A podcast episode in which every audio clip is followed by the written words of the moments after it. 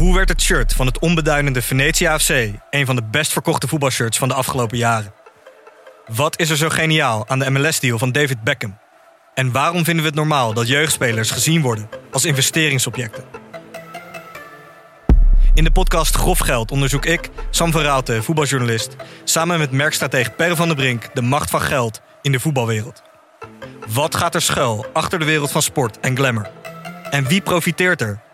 Luister naar Grof Geld en hoor hoe de Skybox de staantribune beïnvloedt.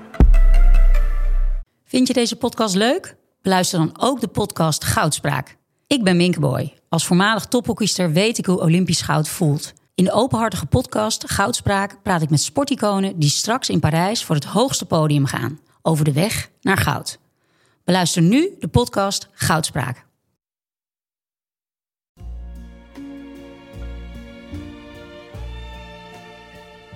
Nee, en een voetballer die echt kan voetballen gaat toch niet luisteren naar zo'n raar mannetje. Dat, ik denk dat hij zelf wel weet wat hij gaat doen, toch? Dat, uh... And uh, there used to be a ballpark where the field was warm and green. And uh, the people played their crazy game with a joy I'd never seen. And the air was such a wonder.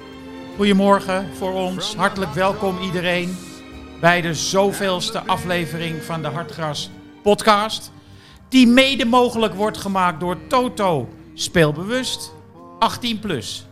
Aanwezig links van mij Janneke van der Horst, rechts van mij Thomas Heerma van Vos en Frans PF Tomezen.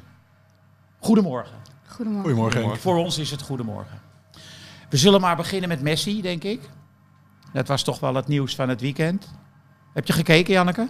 Ik heb uiteraard gekeken, dat moest van jou, dus dat heb ik gedaan. en ehm, ja, hij kwam erin Hij kwam erin. en het viel een beetje tegen, denk ik.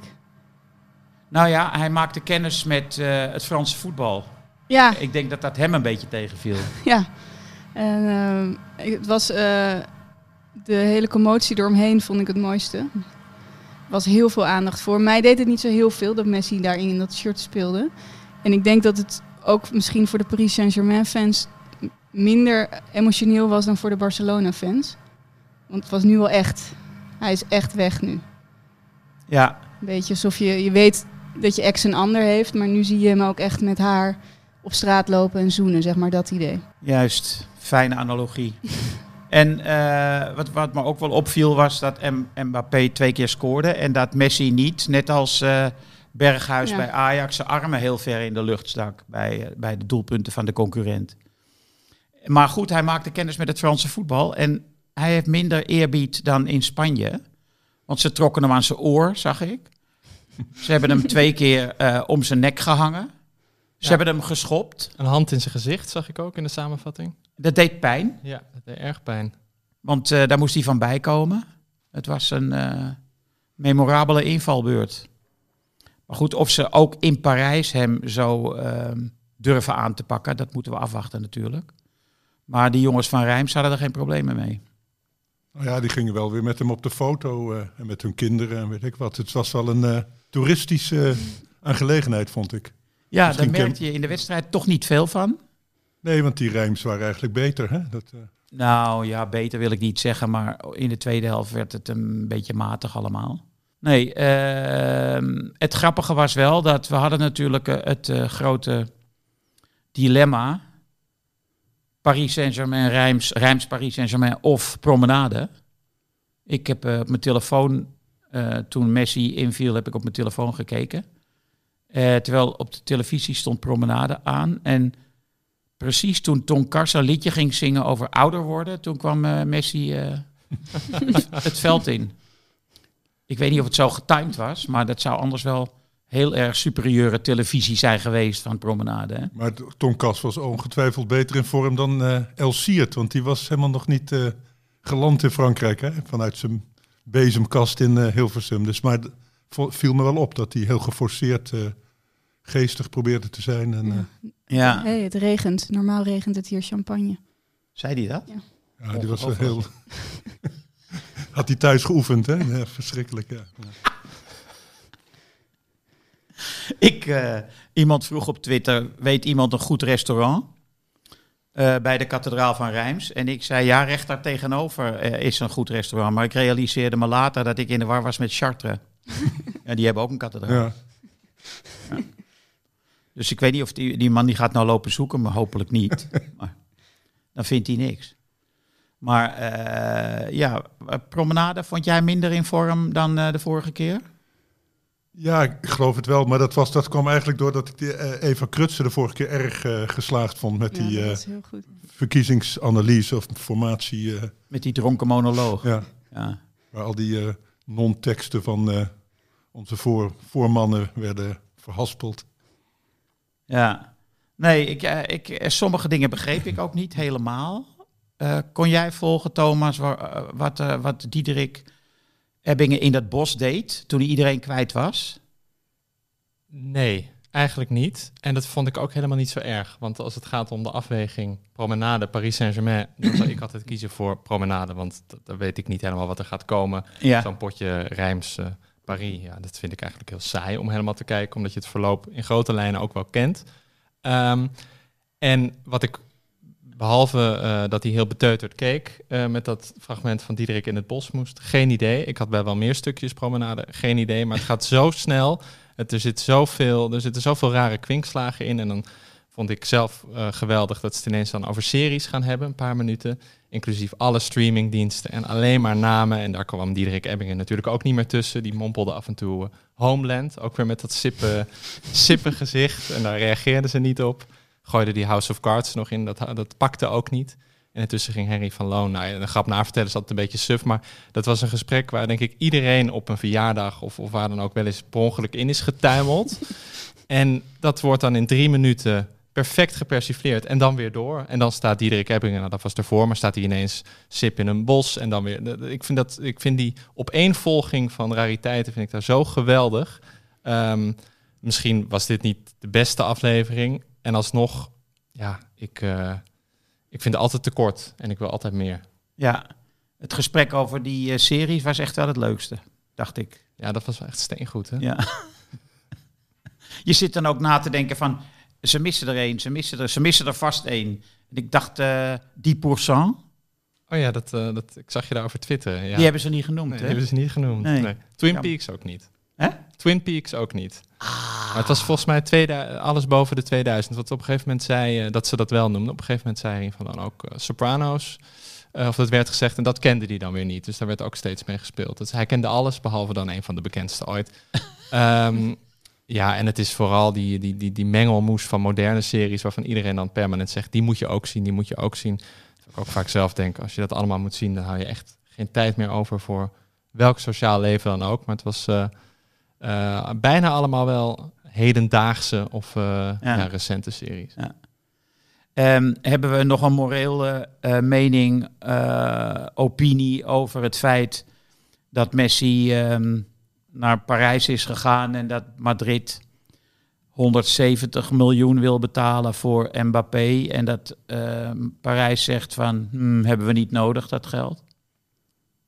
Oh, moreel? Nee, maar mo- moraliteit aan voetbal verhoudt zich heel slecht, toch? Dat, is, eh, nou, dat zou er niks meer aan zijn eigenlijk. Dus nee, de gelukkig, eh, gelukkig gebeuren die dingen. Nee, ik vind het wel aardig. Eigenlijk in de zomer heb je een extra competitie. Dat transfernieuws. Anders, vroeger zat je zo'n hele zomer eh, naar de Tour de France te luisteren. En nu eh, heb je de hele tijd die berichtjes over... eh, die gaat misschien daarheen. En al die ruilconstructies die worden voorgesteld. Dus ik vind het wel een, eh, een verrijking van het voetbal eigenlijk. Ja, Joey Veerman misschien naar AZ of misschien niet. Mickey Ja. van der Ven is een, ineens een hele belangrijke pion eigenlijk in, eh, in het nieuws geworden. Hè? Volendammer. Maar goed, dat, is, eh, ja, dat is wel bijzonder, vind ik. Ik kan die hele affaire gewoon niet volgen. Mickey van der Ven. Nee, Ah, Roy, Rayola zit erop, dan weet je het wel. Hè? Die- Ja, nou dat het ingewikkeld wordt. maar stond ook eh, opeens in de krant dat Wim Jonk en Jonkind... dat die mee verdienen aan de transfer van Mickey van der Ven. Is toch ongelooflijk? Dat zijn de opleiders. ja. En die snuffelen dan mee, zoals vroeger de platenmensen zeiden. Over disjockeys. Ja. Ja, nee, die snuffelt mee. Het blijft Volendam, hè? Het is toch gewoon een cocaïnenest, weet ik. Ja, je mag het niet hard zeggen, maar... Pas op. En die vis wordt, eh, wordt ook niet allemaal netjes afgerekend, volgens mij. Maar goed. is het. Ik hoop niet dat de Volendammers meeluisteren. Dan Nee. zijn we die weer kwijt. Ja. Maar goed. En eh, jij vond eh, Mbappé wel natuurlijk... eh, Ja, wat ik zo ontzettend leuk aan hem vond voor gisteren ook, is dat hoe hij juicht en lacht na een doelpunt, dat is bijna vertederend. Het is met zoveel plezier en een soort kinderlijk plezier. Er zit geen enkele arrogantie in, of wat iedereen ook, ja, nou, waar mensen spreken ook wel eens onaardig over hem. En daar zie je dat zo'n doelpunt maken voor hem het allermooiste is. En dat hij daar ook niet, dat hij blasé wordt of... nou ja, ik weet niet. Ik, ik vond, het, vond het lachen van hem na, na zijn doelpunten denk ik het leukste van de wedstrijd. ja, die eerste was echt wel heel mooi. Zijn lach. Nee, die goal. Maar zag je dat ook? Dat hoe hij echt straalde? Ja, ik, ik dacht bij mezelf, deze jongen wil helemaal niet weg. Maar op Sky stond weer dat hij eh, zich beklaagde over het feit dat hij het idee had dat hij gevangen gehouden werd in Parijs. Door de club. Ja, is het ook niet een geldspel? Want wat je altijd hoort van die voetballers... Hij hoort natuurlijk dat Messi een bepaald bedrag gaat verdienen... waar hij waarschijnlijk onder zit. En dat hij van die sheik niet meer krijgt en dan ontevreden wordt. Hè? Dat is ook vaak toch de onderliggende problematiek. Ja, maar Want hij lacht misschien ook, misschien uit eh, ja, spontaniteit... maar ook wel, dacht die Messi, Binnen. eat your heart out. Hè? Het zag er heel onschuldig uit. Ik weet niet wat erachter zat, maar het zag er zo onschuldig uit. Ja, en in principe lijkt Neymar me eerder iemand die zo. eh, Die denkt. keek ook wel boos. Ja. Ja, er werd ook op ingezoomd, heel lang. Dat was ook wel dat toen eh, Messi aan het spelen was en je zag alleen maar ja, een blik. Hij was, hij was zeer ongelukkig daar op de bank. Nou ja, omdat hij gewisseld werd. Ja. En hij dacht, eh, ik ben de pleitbezorger van Messi geweest. En nu zijn wij de twee grote van het hedendaagse voetbal. En dan moest hij op de, op de bank Ja. gaan zitten. Ja, ik, ik, eh, ik, eh. ik dacht wel bij mezelf, hebben ze dit afgesproken? Want je gaat Neymar toch niet zonder dat dat zou zijn afgesproken wisselen. Publiekswissel was het ook niet. Zo goed was hij ook niet. Dus nee. Nee. hij daalt in de hiërarchie, dat is duidelijk. Ja, dan zou ik toch eigenlijk niet precies weten wie ik dan liever had, Neymar of Messi. Want eh, ja, hij is toch wel klein, Messi. En in Frankrijk, eh, en niet zo gespierd. En in Frankrijk schoppen ze dus gewoon Ja, schoppen ze daar echt veel meer dan in Spanje? veel meer. Ja, Veel meer wapperen met de armen en de ellebogen. En... ja. Nou ja, en die, zeg maar, dat vasthouden, dat was ook gewoon redelijk schaamteloos. Ze Ja, weten, dat was heel schaamteloos. Ze weten, je krijgt een gele kaart. Oké, nou, trek hem gewoon eh, aan zijn armen achteruit. En dan heb ik geel, jammer. Maar zo doen we dat hier. Maar Messi is toch nog steeds dusdanig goed dat hij daar omheen kan, kan pingelen? Of, Ik- of betwijfel je dat eigenlijk? Ja, eh, en of die blessure vrij kan blijven. Kijk, Neymar is gewoon een hele stevige gozer. En die schoppen ze gewoon week in, week uit. Schoppen ze die overal waar ze hem raken kunnen. En die ligt al voordat hij geschopt wordt. Dus dat is ook wel slim. vind Nou ja, het is bij hem wel een combinatie van eh schwalben en geschopt Ja. worden. Zodat het soms moeilijk is om dat te beoordelen. Maar ehm, ik weet het niet. Ik, weet, ik hoop dat die blessure vrij kan blijven. Heb, Ah, je, heb je gisteren Ajax ook gezien? Ja, En? nou, ik heb dat met iets minder aandacht kunnen kijken omdat ik twee kinderen om me heen had. Ja? die Eh, zijn voor PSV, toch? Of Nee, niet? nee, nee. Oh, net nog niet. Nee, nee, nee. Nou ja, Thijs weet het niet, maar als hij er niet is, dan eh, hebben we het veel over Ajax. Ja, want het is wel interessant, hè? Een, eh, een gemengd huwelijk. Eh, laatst toen zag mijn zoontje iemand voetballen en riep meteen Ajax. En Thijs keek me meteen vernietigend aan. ik zei, ik heb hier echt niks, niks mee te maken. Dus nee, maar wij, ik had Ajax op en mijn zoontje zei op een ik vind dit leuk mama, maar nu niet meer. Dus eerst waren ze heel blij dat de tv aanging. Maar ehm, het was moeilijk concentreren, maar ik heb het wel gezien. Ik heb de doelpunten gezien. Was er nog specifiek iemand in beeld toen hij dat zei? Eh, nee, Berghuis. Oh nee, mochten we niks onaardigs meer over zeggen. Nee. Van wie niet? Van jou, omdat hij bedreigd Oh was. ja, ja, ja, maar, eh, ja, ik weet niet. Ik had Nou, dat juichen van Berghuis, dat was ook heel erg leuk op de bank. Wat jij net aanhaalde. Nee, dat was toch niet leuk? Wel. Dat was helemaal voor de vorm. Nee, Hij wist dat ik- er een ik- camera nee, op nee, stond. nee. Ging nog zo nadrukkelijk zo vond klappen het boven echt. zijn hoofd. Ik vond dat helemaal niks. Nee, ik zag het echt was. En ik ben benieuwd of hij over een maand nog steeds zo klapt. Ik, ik gun hem verder het beste en ik eh, vind hem heel goed. Maar Anthony was nu beter dan hij, de dan Berghuis de afgelopen maand was. Dus dan die, Anthony dan die ooit geweest is. Dus Ja. Anthony speelt de komende tijd. Ehm, ik, ik ben benieuwd of hij, hoeveel van zulke applausjes Berghuis nog eh, in zich heeft. Ik ja, vond het heel nep. je houdt het ook niet vol, maar ik kwam wel redelijk oprecht over. Hij dacht misschien ook nog wel, ik kom er zo ook nog in en dan ga ik dat ook nog doen. Ja, maar toen kreeg je de tandem eh, Berghuis-Haller. Dat lijkt me nou ook niet echt eh, Ajax-niveau. Ja, want Berghuis die werd gewoon op nummer, nummer 10 Nummer 10, gezet. ja, ja. belachelijk gewoon. Ja. Veel, te, veel te langzaam is die. Ja, maar ja, eh, als het eh, duidelijk is dat Anthony op die vleugel staat en Berghuis is een aankoop, ja, dan moet je, je moet hem toch ergens kwijt. Ja, maar ik heb niet heel veel verstand van voetbal. Maar om twee van die slakken in de as te zetten, lijkt me toch niet eh, kunnen, toch? Nee, ja. We wachten even op eh, een telefoontje met Simon Cooper. Over Messi gesproken, want eh, Simon heeft een boek geschreven over Barcelona. Hey Simon, Hey, alles goed? alles goed? Met jou ook? Ja, prima, dank je. Je bent in eh, Madrid gaan wonen? Eh, we zijn hier al een dag of vier, vijf en we zijn op zoek naar een huis en we hebben een school, et cetera. Dus ja, En Simon, wat is de reden? Je woont al twintig jaar in Parijs, volgens mij. ja. Eh, Eh, tot jouw reden, grote ja. genoegen.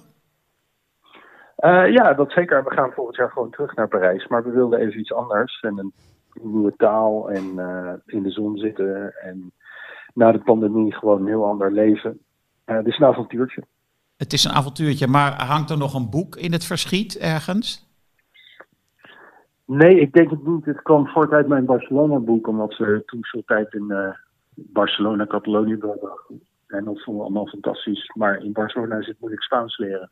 Ja, Dus vandaar Madrid. Dus het komt eigenlijk voort uit het vorige boek. Mijn volgende boek, eh, nou, er, liggen een paar op sta- stapel, maar het heeft niet met Spanje te maken. Oké. Hoe is het met, eh, met het boek over Barcelona? Dat is nu wereldwijd gepubliceerd. Eh, het is in het Engels verschenen. Eh, er komen nog een stuk of vier, vijf, en in het Nederlands. Er komen nog een stuk of vier, vijf andere vertalingen alvast bij, maar die zijn nog niet verschenen. Heb je in Amerika recensies? Er zijn heel weinig recensies tegenwoordig. Ik, ik tel sinds publicatie zo'n vier en daarvoor waren er een stuk of drie van die boekhandelbladen. Eh, allemaal wel positief, maar heel weinig. Oh, maar wel interviews.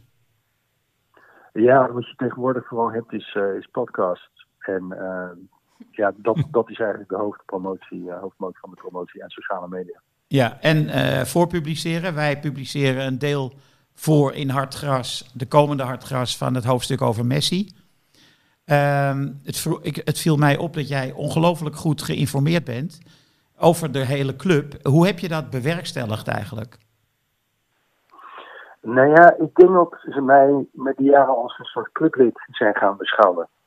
Ehm, en ze hadden heel hoog vertrouwen. Dus toen ik er voor de Financial Times was in 2019 voor een verhaal, toen gingen gewoon alle deuren open. En eh, ik, ik zat daar met de president en directieleden wijn te drinken, interview met eh, de toenmalige hoofdcoach, eh, allemaal geen probleem. En eh, toen dacht ik, hier zit meer en hier zit een boek in. Nou, daar wilden ze ook graag aan meewerken. En hebben ook de deuren geopend. Hebben nooit vragen gesteld, nooit willen censureren. Echt heel erg goed hebben zich gedragen. En ehm, ik dacht, ik ga ook iedereen binnen de kunst spreken. Dus nutritionisten, artsen, psychologen, jeugdcoaches, eh, sociale media-experts. Al die mensen die eigenlijk nooit worden geïnterviewd. Dus ik heb tientallen van dat soort mensen geïnterviewd. En ik had, ik had daar vooral een boel, voetbalinterviews, voetballersinterviews, coachinterviews. Cruijff. Ehm, dus dus ik, ik, ik ben eigenlijk binnen de club gaan zitten. Dat was het idee. Ja, dat is goed gelukt. Ehm, heb je gelezen dat eh, Piqué, de speler van het eh, Barcelona, van het eerste, dat hij de rechten voor Spanje van het Franse voetbal heeft geko- gekocht?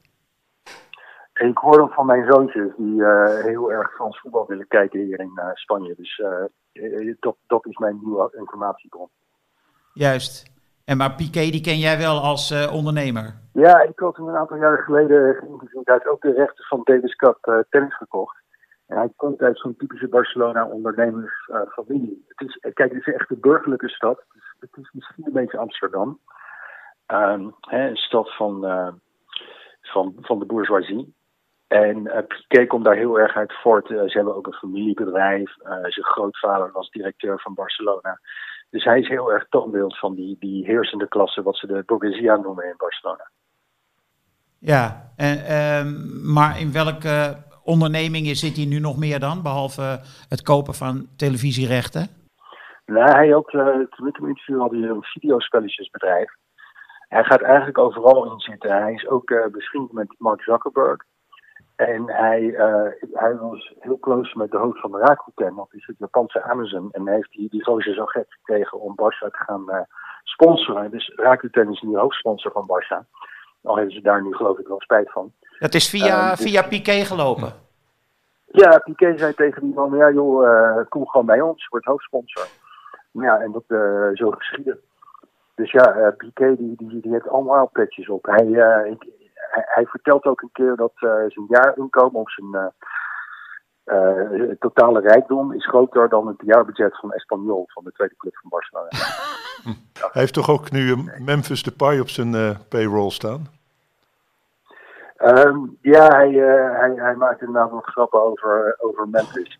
Maar ik denk dat Memphis straks Piqué op zijn payroll kan, kan, kan hebben staan. Oké, okay, Simon, heel erg bedankt. Uh, die hartgras komt over een week of twee, drie. En dan uh, kunnen onze lezers kennis maken met jouw gedegen kennis van de Club Barcelona en ook Messi en zijn financiële strapatsen. Wat was de titel van het boek? Barcelona, dacht alleen, ik. Alleen Barcelona? Okay. Uh, FC Barcelona, het Imperium, volgens mij. Het Imperium in Nederland, oké, okay, goed. Ja. Nou, hey, succes met het zoeken van een huis. Dankjewel. Uh, dus dank jullie wel allemaal. We spreken. Hey. Hoi. Ja. Dat iemand zomaar binnen zo'n club kan komen, dat is toch ongelooflijk? Maar hij noemde de boekhoudafdeling niet. Dus hij noemde allerlei uh, afdelingen waar die uh, kind aan huis was, maar ik hoorde niet iets over de boekhouding. Dus nou, dat, dat is... Een... Er staat over de, over de financiën staat er echt veel in. Oh, ja. ja. Hij heeft de, de voorzitter was volgens mij tegen hem ook redelijk open hierover. De nieuwe? Ja, en dat Messi de club het natuurlijk min of meer te gronden heeft gericht. Ja, groot gemaakt. Gered en ja. vernietigd. Ja. ja, ik vind toch uh, echt fantastisch dat... Uh, want hij schrijft ook van alles over die opleiding. En ik ben er wel eens geweest uh, op La Masia. Maar je werd wel echt wel met een camera je werd wel echt wel begeleid, zeg maar. En uh, dit niet en dat wel. Maar kennelijk hebben ze hem niks in de weg gelegd. Ja, ik heb de eerste 30 bladzijden van het boek uh, nou, diagonaal gelezen. Niet genoeg om heel veel inhoudelijks over te zeggen. Maar het is in elke zin duidelijk hoeveel hij ervan weet. En hoe diep hij er. Nou, ik weet niet of hij er doorheen is geglipt. of met een klapblok in de hand naar binnen is gelopen. Ik weet niet of ze door hadden hoeveel ze prijs gaven aan iemand die het allemaal zo opschreef. Maar het is ongelooflijk hoeveel hij weet. En het boek begint met een introductie van de, van de hoofdpersonen, zoals in het betere Russische boek. Ja. Uh, een soort stamboom. En dat zijn al zulke fijne, in zekere zin ook genadeloze karakteromschrijvingen van alle hoofdrolspelers. Dus van Frank Rijkaard tot Kruijf, van uh, de voorzitters, tot ja, iedereen die even langskomt. En zelfs daaraan merk je hoe uh, goed die iedereen kent. De, de Villanova was een heel aardige man, dat soort dingen. Hij heeft met iedereen duidelijk contact, veel contact. En uh, nou ja, hij praatte, ik weet niet of dat zijn bagatelliserende toon is of dat het echt klopt, wat, wat uh, wegwijvend over de verkoopcijfers. Maar ik denk wel dat iedereen die iets over een moderne grote voetbalclub en dan natuurlijk vooral over hoe het bij Barcelona in het specifieke geval is misgegaan, wil weten, echt dat boek moet lezen. Ja, ja het is, uh, hij is een hele bijzondere journalist. Ik weet niet, Matthijs en ik hoorden van... Um, in de jaren 90, volgens mij in 4 of 95, hoorde van Nick Hornby dat er een, uh, in, uh, in Engeland een Nederlandse jongen rondliep. Die uh, veel van voetballen wist en die daar graag over schreef. En tegelijkertijd las ik in zo'n fanzine When Saturday Comes een stuk van iemand die schreef over Brian Roy. En ik dacht, hoe kan een Engelsman zo goed geïnformeerd zijn over Brian Roy? Maar dat was dus Simon Cooper. En toen hebben Matthijs en ik met hem afgesproken. En hij deed toen al aan uh, zijn tijd vooruit aan uh, ontbijtmeetings. dus uh, we zaten in, in een hotel te ontbijten met Simon. Die had een zwart streepjespak aan, want Die werkte als eh vaste redacteur bij de, bij, de, bij de Financial Times. En daar moest je er zo uitzien. Wilde je eh, daar op kantoor mogen komen, denk ik. En eh, ja, het is een hele, hele... Ja, het is echt wel een bijzondere... En nou, het woord geniaal wordt vaak misbruikt, maar hij verstaat zijn vak heel erg goed. Dat klopt wel. Wij waren toen heel erg onder de indruk. En ehm, ja, hij had natuurlijk eh, Oxford gedaan en daarna een jaar Harvard. Om, omdat hij, ja, ik wist niks van economie. Dus toen ben ik maar een jaartje naar Harvard gegaan. Ja, alsof dat zomaar gaat, weet je wel. Even een jaartje naar Harvard. Duits gestudeerd in Berlijn aan de universiteit. Eh, hij, eh, overal komt hij wel goed beslagen ten ijs. Dit is ook wel vrij typerend. Van nou, ik ga een jaar naar, eh, naar Madrid, dan kunnen we de taal een beetje leren en zo. Enfin, van Barcelona nu weer even naar Feyenoord. Nou, daar hebben ze ook natuurlijk iemand toegelaten, toch? Met die camera. Oh ja, ik heb die film eigenlijk nooit gezien. Nee, is ik dat wat? Ik niet. Nee, ik zie alleen die aankondigingen steeds. Het, Ja, ik ook de hele tijd die aankondigingen. Verder Dat is nog op niet. Disney. met, toch? Hu- met Hugo als een soort eh, boegbeeld. Oh, dat, dat, dat zijn promootjes. Ja. Ja. Oh, maar er is nog niks uitgezonden. Nee, maar er lekt ook niet heel bijzonder nieuws uit. Maar ik heb ook het idee dat iedereen wel weet hoe het bij Feyenoord is. Ik, ik geloof ook niet dat je daar nou veel de verrassingen gaat krijgen. Nou, er was laatst een fragmentje uitgekomen. Ik weet eerlijk gezegd niet eens of dat uit een aflevering is geknipt of alleen een aankondiging is. Maar dat was een pep talk van Dick Advocaat in de rust toen ze achter stonden of Ja, teleurstellend dat heb ik ook gezien, ja. ja. Nou, dat, was, dat was echt niet anders dan een gemiddelde amateurclub. Hij zegt eigenlijk gewoon, kom op jongens. We gaan er nu eh En iedereen liep, ook, iedereen liep ook gewoon weg. Niemand luisterde. Dat is een bizarre, bizarre minuut. En hij zei van die onbegrijpelijke dingen die coaches ook kunnen zeggen. Die niemand weet eh, wat het betekent. Hè? Ja, en, som- en sommige handgebaren die je niet snapt, Ja. die ze langs de lijn maken. ja. Maar eh, ik heb ook niet het idee dat het eh, verstrekken van hele duidelijke tactische instructies langs de zijlijn veel zin heeft. Nee, langs de zijlijn denk ik ook niet. Maar als je ergens nog in kan grijpen, is het denk ik wel juist in de rust in de kleedkamer. Ja, Maar eh, ik heb wel die documentaire series over Manchester City en Tottenham eh, goed deels gekeken. En eigenlijk is daar, gebeurt daar min of meer hetzelfde. Dat iedereen klapt even driftig in zijn handen en zegt... eh, kom op, eh, schouders eronder en eh, iets feller spelen dan net. En het viel me daarbij op dat Mourinho nog wel in, in, in een kwartier of in tien minuten in die kleedkamer... nog wel een bepaald gemeenschappelijk gevoel in ieder geval weet te creëren... en echt iedereen's aandacht grijpt. Die komt in die documentaire over Tottenham veel sympathieker naar voren dan ik hem ooit van de buitenkant heb gezien als hij interviews of iets dergelijks geeft. Maar verder is het, eh, is, ja, het gehalte amateurvoetbalclub in het profvoetbal is volgens mij eh, ook in de kleedkamer echt enorm. ja ik denk wel dat dat voor, voor de grootste clubs geldt. Ja. Ja. Ja, Misschien niet voor Ancelotti of zo, van die echt van die bijna legendes in de kleedkamer. Maar goed, dat kan ook enorm tegenvallen. Want in wezen is Dick Advocaat in onze omstandigheden ook wel een soort legende. Maar verder dan eh, naar voren komt hij ook niet. Nee. Nee, en een voetballer die echt kan voetballen gaat toch niet luisteren naar zo'n raar mannetje. Dat, ik denk dat hij zelf wel weet wat hij gaat doen, toch? Dat, eh, ja. Nou eh, ja, inderdaad. Want eh, toen Saki bij Milan kwam en Gullit Rijkaard en zo, die allemaal 28 jaar waren. Toen waren ze permanent in trainingskampen voor hem op de vlucht. Want kijk uit jongens, daar komt, daar komt hij weer. En dan vlug een, kleed, en, een slaapkamer induiken. Want ja, dan ging hij iets onbegrijpelijks tactisch vertellen. En daar wilden ze niks van weten. Nee. Nou, dat zei toch ook eh, Van Basten laatst, dat, die, dat Michels zo'n slechte coach was. Dat je er echt helemaal niks aan had. Terwijl dit geldt als de grootste. Hè? De Mich Rinus Michels Award hebben we voor de beste trainer. Ja. Ja, en Marco wist van zichzelf dat hij er niks van kon. Dus vond ik ook wel een goed inzicht. Terwijl eh, ik Van Basten toch hoger aansla dan, eh, dan Michels als voetbaltechnisch gesproken. Ja, ik weet niet hoor, of Van Basten zo'n slechte trainer was. Ik denk, ik denk het eerlijk gezegd niet. Ik denk dat hij beter was dan hij zelf denkt. Het Nederlands elftal wat hij toen coachte was een van de leukste Nederlands elftallen van deze eeuw, zeg je dan tegenwoordig, geloof ik. Ja, En de- met, eh, met hele aanvallende voetbal. En met Snijder en Van der Vaart, wat zogenaamd nooit kon.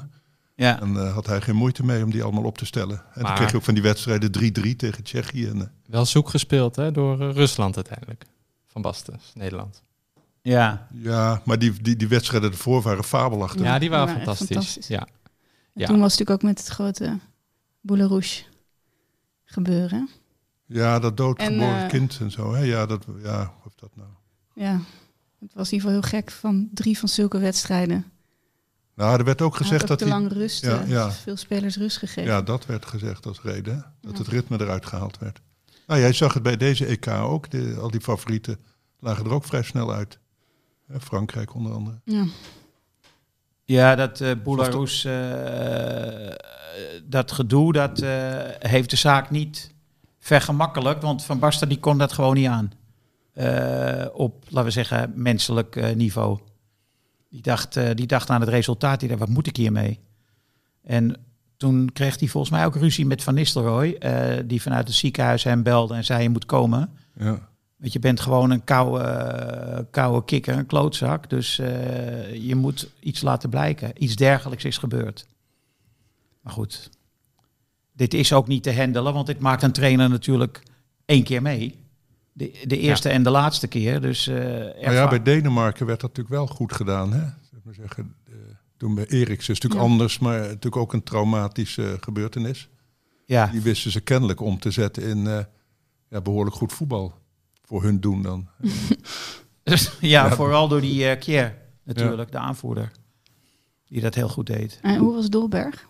Want je hebt uh, Nice gekeken, toch? Ik heb niets gekeken, ja. Dolberg, die eh, mocht niet meedoen. Nee, die heeft op de training een schop tegen zijn knie gehad. Dus die eh, was geblesseerd.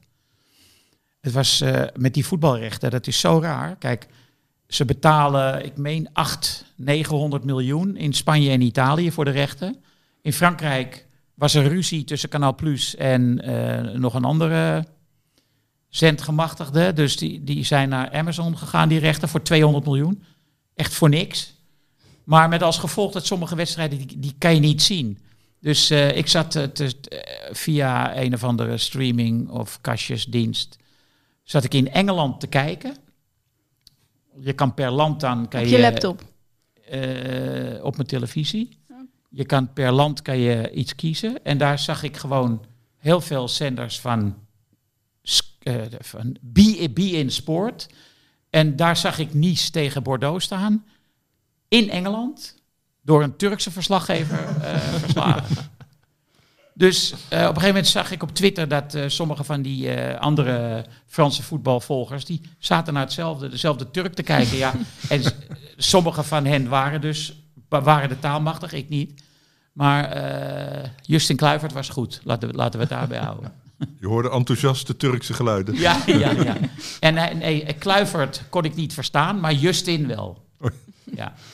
En hij werd eh, vervangen door Stenks. En dat deed, die, die, deed Stenks was ook niet slecht. Dus, eh, heel redelijk. Dit brengt mij, ik zit opeens weer te denken aan die Ton Kars van Promenade. Die op de vraag over Charlie Watts zei, hij sloeg de maat. hij sloeg de maat. Wat is zo goed aan Charlie? Hij sloeg de maat. Maar daar was hij heel goed in. Ja, dat was ook alle toelichting die er kwam. Ja, hij sloeg de maat. Ja. Zegt eh, Charlie Watts jou iets? Nou ja, en daar houdt het ook meteen op.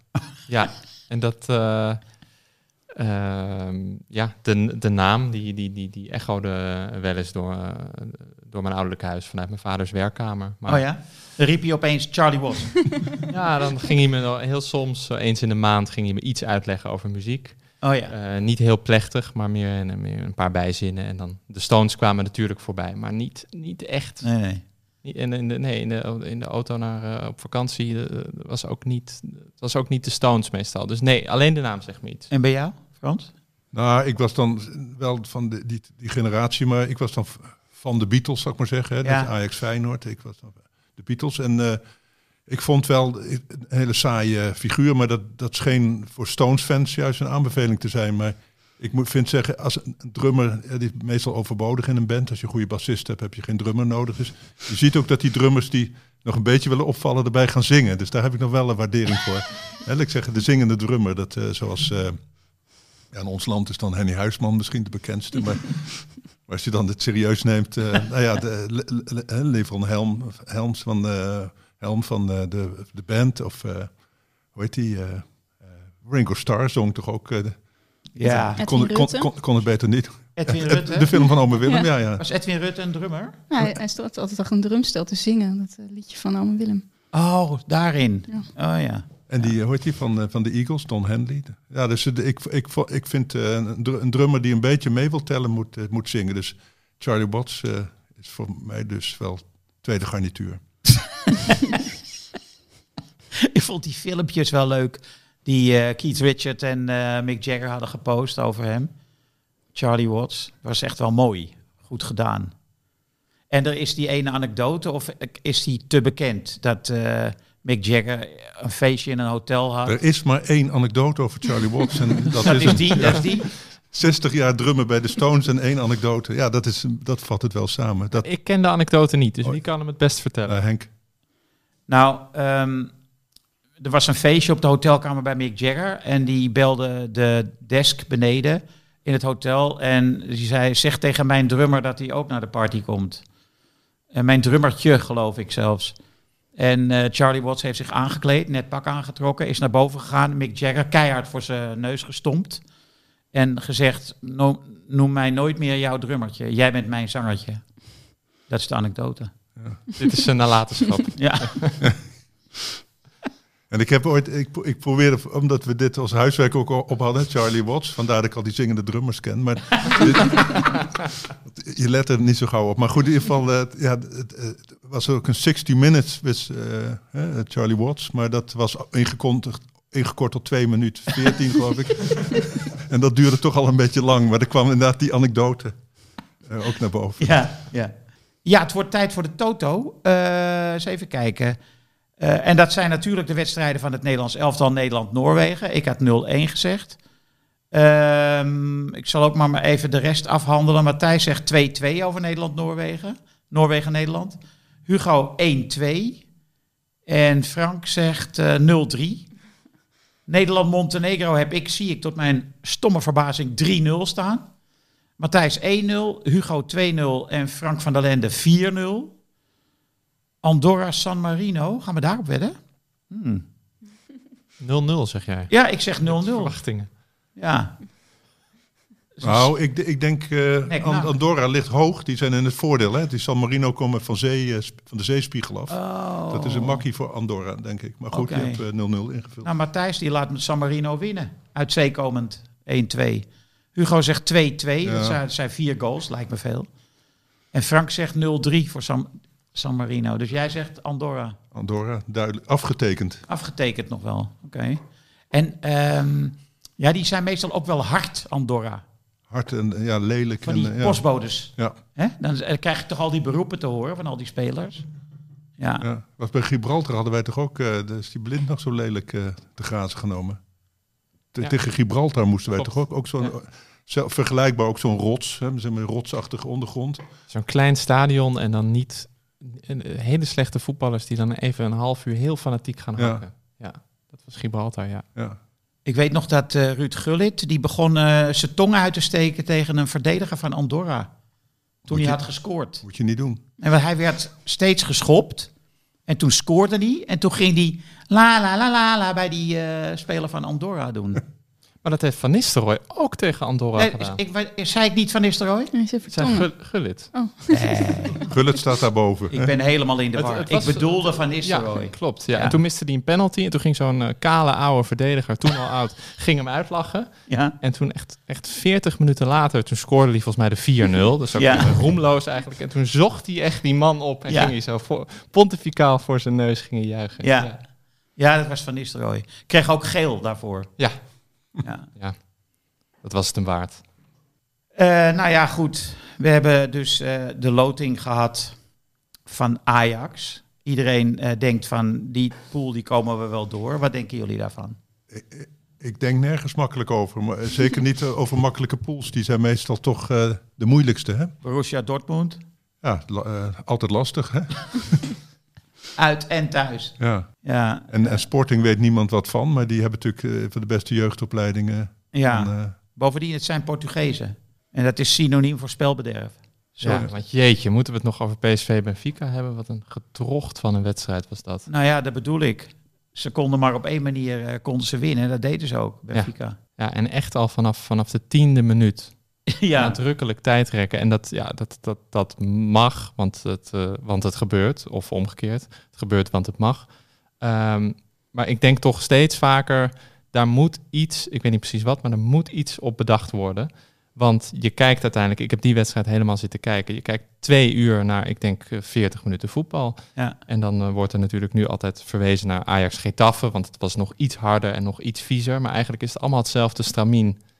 Ehm, Ja, maar het gekke in Spanje hebben die ploegen helemaal geen moeite met de- ze winnen wel nipt, maar ze winnen toch altijd. En Getafe hebben één keer dan de Europa-kwalificatie gehaald, maar voor de rest bungelen die ergens aan de onderste helft. Dus het, het is ook een kwestie, denk ik, bij dat soort teams dat je moet zorgen voor spelervattingen. Goede vrije trap, goede corner en die eh, erin werken. En wij willen natuurlijk altijd met mooi voetbal, combinerend de, de 16 in. En ja, dat, eh, ja dat, dan lig je al op je, je snuffert natuurlijk. En, eh, maar dan moet je dus gebruik maken van die eh, vrije trappen die, eh, die het oplevert. Ja, ik weet het niet. Het is eh, voor Ajax zal eh, Sporting ook weer hartstikke moeilijk zijn.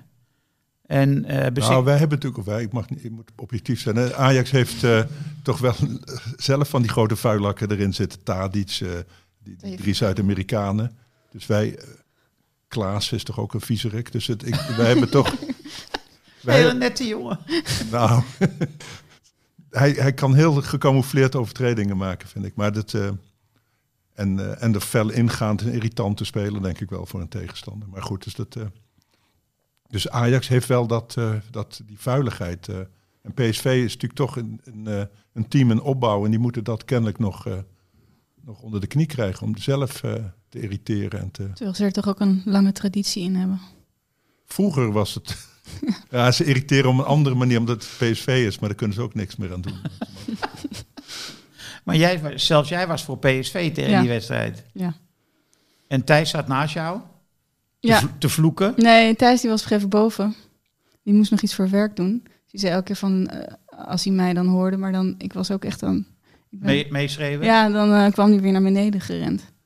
Maar ja, ik, ik kan daar helemaal niet tegen. En ik wilde ook zo, ik vind het echt heel leuk. En ik vind heel veel mensen vinden dat totale onzin. Maar ik vind het echt heel leuk als er twee eh, Nederlandse ploegen in de Champions League spelen. Dus daar was ik ook nog heel erg mee bezig. Dat ik dacht, ja, ze moeten gewoon door. En dan weet je alweer, als ze Europa League gaan spelen, dan, dan zijn ze daar niet meer mee bezig. En dan gaan ze alleen maar voor de competitie. Eh, die, die tackle van Bazoer, was dat nou een rode kaart of niet? Nee. Nee. Nee? Nee. Ik, ik, dat had, hij kan wel van die gemene dingen doen, maar in dit geval was het te, ja, te fel inkomen op ja, wel een pi- typisch bazoer op zo'n plek. Waarom doe je het daar? Maar Ja. bij de, bij de zijlijn. Maar de- nee, dat was toch niet gemeen. Dat, eh, Ik dacht wel, jij wil graag een transfer. Dan zijn dit niet de juiste eh, methodes. nee, dat lijkt het wel op. Hè? Al die gemeenrikken, ook Telefico kom- komt ook maar niet weg. Hè? Die, Nee. die, die staat al drie jaar geloof ik op, eh, op, op Schiphol klaar om grote carrière tegemoet te gaan. Maar die, eh, niemand wil hem. Dat is, ja, dat, ik Ja, weet niet wat dat is. Het Ik begint iets tragisch te krijgen, hè? Dat hij maar niet weggaat. Bij Ja, ik Tagliafico. vind het wel fijn, want ik vind het een hele leuke speler. Hij is niet meer zo goed als in het begin, maar ik geniet er altijd wel van, moet ik zeggen. Nou ja, goed. Eh, als hij niet wordt verkocht, dan komt hij waarschijnlijk wel weer op niveau. Want dan realiseert hij zich dat er maar één manier is eh, om dan weer in de winter te kunnen vertrekken. Dat is gewoon goed spelen. Ja, ik denk daar toch iets anders over. Ik heb het idee dat hij na dat droomjaar al zijn zin had gezet op een transfer. Dat Ja. hij eigenlijk nadien, om, toen dat niet lukte, nooit meer helemaal op dat oude niveau is gekomen. Ook doordat het team natuurlijk minder goed draaide. Maar dat je bij Ajax, eh, dat Ajax er nu echt baat bij zou hebben als hij en Neres eh, zo snel mogelijk zouden vertrekken. Omdat het en tegenhoudt en omdat je het gewoon, eh, eh, ja, je hebt toch een soort, nou, niet rotte appels in de selectie, maar wel spelers van wie je de hele tijd voelt, ook in hun spel, dat ze eigenlijk al met hun hoofd eh, nou, half in het buitenland zijn. En volgens mij trekt, dat, trekt dat heel veel omlaag. Tegenhoud bedoel je jongens uit de jeugdopleiding. Ja. Ja, en dat, dat heb ik denk ik ook wel eens bij Klaassen. Ehm, niet dat daar nu iemand helemaal klaar staat op 10, maar wel zo iemand koop je. Nou, die, die moet je opstellen en daar zijn we ook heel blij mee. Maar die is eigenlijk niet het gewenste droomniveau, zit daar in mijn ogen iets onder. Je moet hem altijd opstellen, hij is altijd fit, hij gaat altijd voorop in de strijd. Maar uiteindelijk koop je hem en je moet hem blijven opstellen. En je hebt, je hebt veel van dat soort spelers die je nu eigenlijk moet opstellen. En eh, volgens mij zit dat ook veel in de weg. Dat is, dat is mijn, eh, mijn gedachte bij Ajax. Dat het nu eh, voor de hele balans, nou, stom woord, maar voor de hele samenstelling En eh, het, het, het, Maar wie bedoel je nog meer behalve Klaassen dan? Nou, eh, dat gaat op een gegeven moment ook gebeuren met Tadic en Blind. Dat is nog niet zo, maar die moet je blijven opstellen. Die, ga, die gaan niet rustig op de bank zitten. Nee, nee, nee. Tadic zeker niet. nee. En Tadic is toch nog steeds de, de beste man. Hè? Dus nu was Anthony misschien net ietsje beter, maar ik vind Tadic, als het er altijd op aankomt, is hij waanzinnig goed. En hij is veel te langzaam, maar dat is hij al jaren. Nee, dat ben ik niet met je eens. hè. Dus geldt voor Blind ook. Blind was nu ook de slechtste man. Maar dat heeft meer te maken... Die jongens die pieken wel, als het goed is, op het juiste moment. Hè? Dus die, die heb je, als het erop aankomt... En je zou dan met die baas, of heet die jongen die eh, op links achter ook... eh, of met Rens, dat is dan toch minder dan, eh, dan Blind. Die is gewoon slimmer en... Geldt voor Alfa, Alvarez, daar ben ik ook niet zo fan van. Maar stel dat je die broertje Timber daar neer had gezet, hè, die het ook wel kan. Bij Utrecht doet hij het hartstikke goed. Maar die zie ik niet tegen... Hè, tegen, eh, tegen, Tegen Alvarez eh, concurreren. Nee, als het erop aankomt bij zo'n, bij zo'n Champions League wedstrijd niet, denk ik. Dan wordt zo'n jongen toch een paar keer eh, gefopt. Ja. En, en Alvarez, die fop je niet, want dan lig je gewoon op je, op je snuit, hè? je ziet het een beetje aan Schuurs. Die, heeft, die kan hartstikke goed voetballen. Maar die maakt toch per wedstrijd één of twee kapitale fouten. Dus dan stel je hem toch niet op. Dus al die talenten, ja, die moeten toch... Ja, het, het topniveau, die moeten toch mee kunnen in de Champions League. En dat is wat maakt dat je ze niet allemaal meer kan opstellen. Ik heb het een beetje bij eh Rens op rechtsback. Want eh, nu eh Masraoui helemaal hersteld is van allerlei eh, blessures, zie je weer hoe verschrikkelijk goed hij is. Oh, wat is die goed, hè? Ja. Ontzettend goed was die ook gisteren. Nou, en het is ook zo'n elegante speler. En, En samen met Anthony, dat was toch een het genot. liep echt fantastisch. Mijn oudste zoon zat aan die kant in de eerste helft. Ja, Ja, die heeft zo op het puntje van zijn stoel gezeten. Dat, eh, ja. omdat hè, dat, dat, dat samenspel van hun en, en, en Masraoui die dan overheen ging en teruglegt, hakje. Heerlijk, ja. En, eh, hij, en Rens, die hebt, heeft, wat jij net schetst over Schuurs, heeft Rens ook wel vaak. Net op een beslissend moment een foute kaart pakken. Of Instappen, hè, te enthousiast vaak ook. Een ja. verkeerde tackle, te hard, eh, weet je wel, dat soort dingen. Terwijl die Noesman, hij, hij eh, beantwoordt ook helemaal niet aan het beeld van een rechtsback. Bij een rechtsback denk ik aan knoestige polderjongens. Maar eh, dat is die Noes helemaal niet. Het is een echte voetballer. Ja, maar dat heb ik wel geleerd. Ik let nooit op die trainerspraatjes, maar dat die rechtsbacks, die goeie, die gaan vaak naar binnen bij Ajax. Hè, Ja. Dat doet Rens ook als hij daar speelt.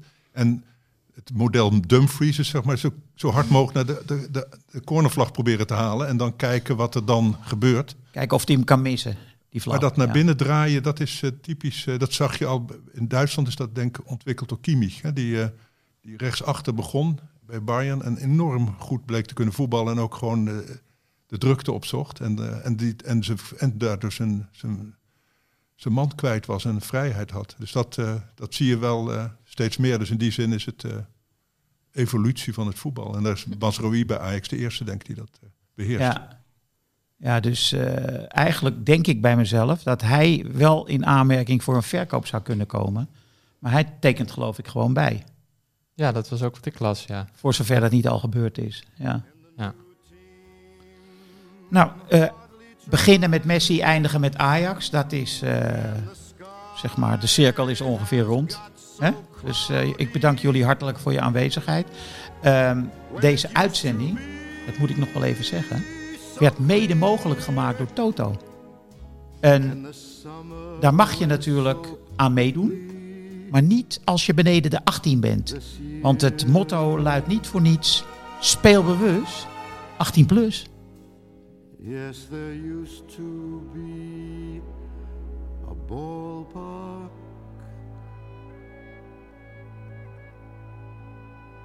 Right here